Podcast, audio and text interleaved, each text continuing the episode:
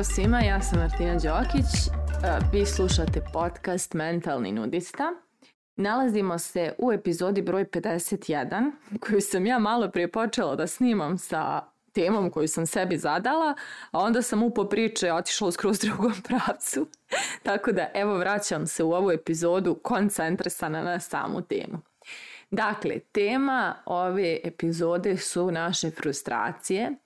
zašto se dešavaju, šta žele da nam kažu, kako da ih izrazimo ili riješimo i šta se desi ako to ne uradimo. Tema ovaj put nije inspirisana nekim razgovorom, tema je ovim put, ovaj put inspirisana nekim mojim stanjem koje me muči već nekih mjesec dana. Ja sam se ja nakupila nekih frustracija koje nisam bila kanalisala ni čistila i sad sam ozbiljnije počela time da se obavim. Tako da, ovaj, evo ja sam sama sebi inspiracija za ovu epizodu i jedva čekam da vam podijelim svoj neki proces. Naime, eh, frustracije najčešće dolaze iz nekog snažnog osjećaja nemoći koji nas vodi u pojedinim trenucima u neke odluke, u neka prećutkivanja ili neke ne, pristanke na neke stvari koje ne prijaju nama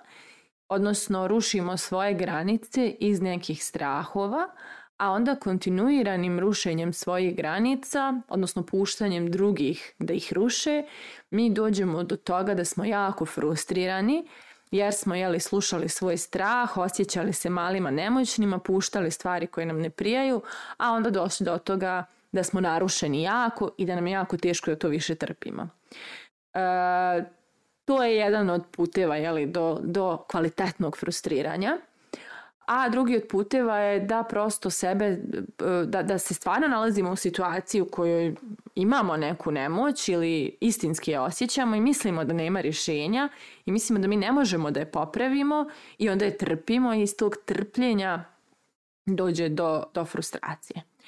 E, moje frustracije su se desile, prije svega počela mnogo da me frustrira situacija na Balkanu. Kad kažem na Balkanu, ja najviše mislim na Srbiju i Bosnu, pošto su te dve zemlje za koje sam ja vezana i lokacijski i lično i emotivno. Naravno, volim i, i sve ostale zemlje, ali da kažem, ove dve zemlje sam živjela i e, učestvovala u promjenama ili po, trpi, trpila rušenje određenih e, kvaliteta života i slično. Tako da e, dosta pratim jel, situaciju te, te dvije zemlje i da kažem učestvujem emotivno u svemu što se dešava. Za one koji ne znaju, u Srbiji se dešava, dešavaju blokade i protesti jer je ekologija ozbiljno narušena, jer je vazduh, voda, zemlja, sve narušeno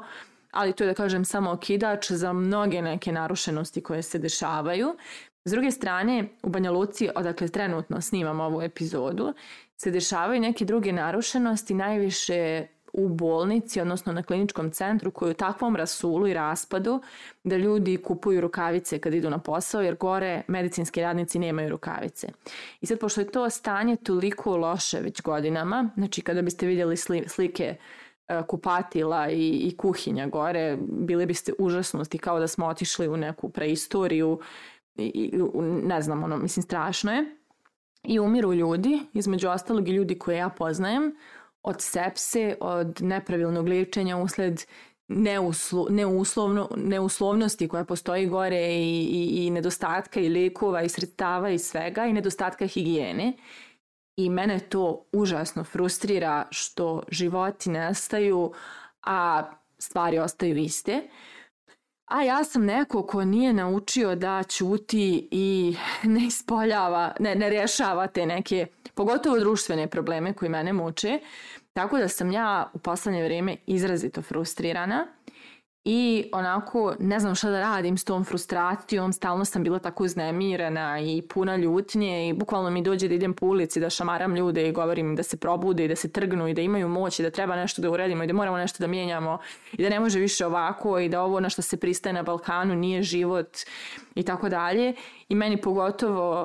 uh, toj frustraciji, ali i nekoj boljoj perspektivi doprinosi činjenica da sam jako povezana i sa Austrijom I onda s te strane e, znam malo kako izgleda život u nekim zemljama koji imaju taj neki dostojanstveniji pristup čovjeku i njegovim potrebama. Tako da sve se tu tako zbučkalo u meni i nastala je jedna frustrirana ja. A onda tu naravno postoje i neki moji drugi lični strahovi u nekim mojim ličnim odnosima i koncept, kontekstima u kojima ja tako malo nešto pustim, malo dopustim, malo prećutim I onda dođemo do toga da me i tu, kad se nakupim frustracija, pukne mi na tim nekim drugim poljima. E, šta nam onda naša frustracija priča? Pa prije svega naša frustracija nam govori da nismo poštovali sebe i svoje potrebe i vrijednosti. Odnosno, da nas je neki strah i neki osjećaj nemoći natjerao da trpimo stvari koje jako narušavaju našu suštinu, naše biće, naše granice lične, naše vrijednosti gazde i ta, to neko trpljenje i puštanje je dovelo do toga da se osjećamo frustrirano, odnosno smo puni negativne energije koja se graniči sa agresijom, zato što e, je, eto, tu smo gdje ne želimo da budemo ili trpimo nešto što ne želimo da trpimo. Obično je frustracija super znak šta treba, kak, kakve elemente u svom životu treba da podesimo drugačije, da li u nekim konkretnim odnosima ili u okruženju ili u sistemu u kojem smo, ali na, frustracija je fantastičan putokaz koji nam pokazuju u kom pravcu smo dozvolili da se pogaze stvari koje su nama važne. I onda možemo nešto da uradimo sa tom informacijom. Dakle, ako imamo frustraciju, važno je da pogledamo šta je nju izazvalo. To što je izazvalo našu frustraciju može da nam iskomunicira par stvari. Da li e, smo dozvolili da neka osoba ili neka situacija ili neki sistem naruše neke naše granice i stvari koje su nama bitne u životu. Zatim možemo da provjerimo zašto smo to dozvolili – šta je to u nama dozvolilo da se takve stvari desi. Da li neki strah, da li neka nemoć, neki, ne, neko uvjerenje koje tvrdi da mi nismo mogli drugačije nego da dozvolimo da se to desi. Znači, da li smo se bojali da ćemo tog nekog da izgubimo, ako je pitanje neka individualna situacija, da li smo se osjećali da smo mnogo manji od toga što se dešava i da smo mi tu sitni i nemoćni da to uh, prevaziđemo, promijenimo, zatražimo drugačije, da znači nešto neka, neka stra, neki strah i neka nemoć su učinili da mi dozvolimo to narušavanje.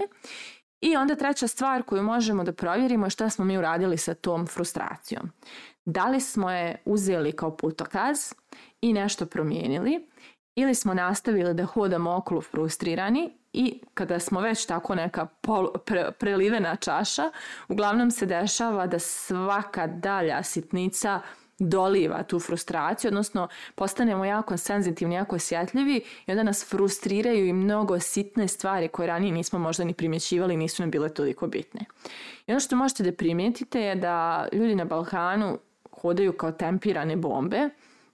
zato što mnogo, mnogo neiskazanih frustracija nose u sebi i onda se dešava da kada ne iskažemo frustracije ili ih ne riješimo, odnosno ne iskoristimo ih kao putokaz da zacijelimo to što ih je izazvalo,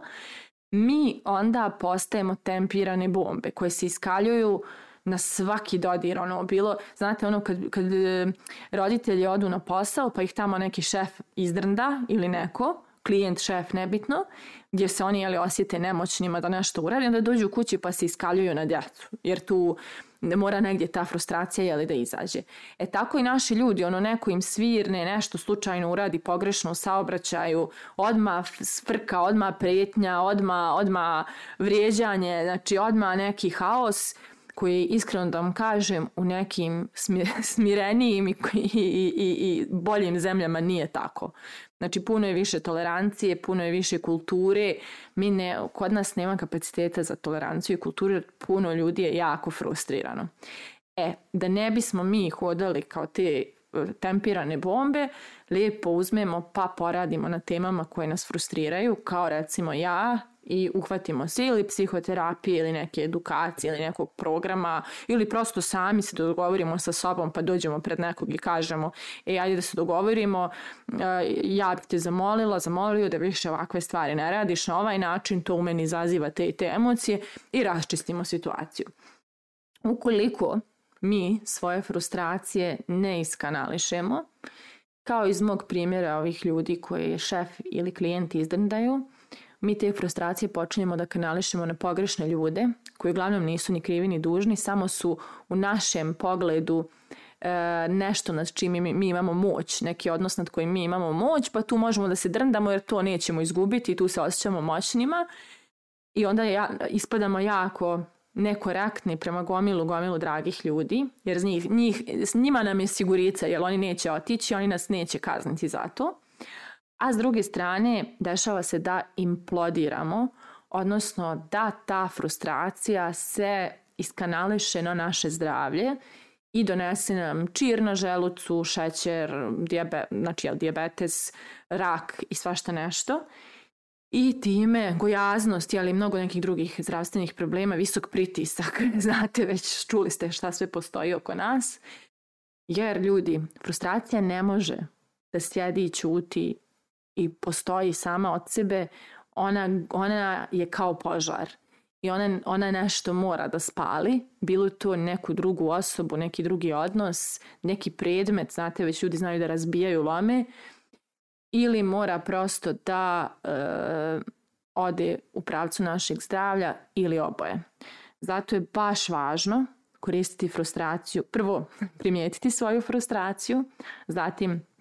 iskoristiti je kao putokaz, zatim sanirati uzroke toga šta je sve to dovelo, kakva narušavanja su dovela do te frustracije i onda prosto očistiti se od nje. Jer ako je nosimo u sebi okolo, uglavnom stradavaju mnogi drugi ljudi koji nisu za nju odgovorni, a zatim najviše i mi sami. Tako da moje pitanje za kraj ove epizode je da li koristite svoje frustracije kao putokaze za poboljšanje svog života ili ste tempirane bombe koje samo pogoršavaju i svoj život i život ljudi oko vas. Mislite o tome, a mi se družimo u narednoj epizodi.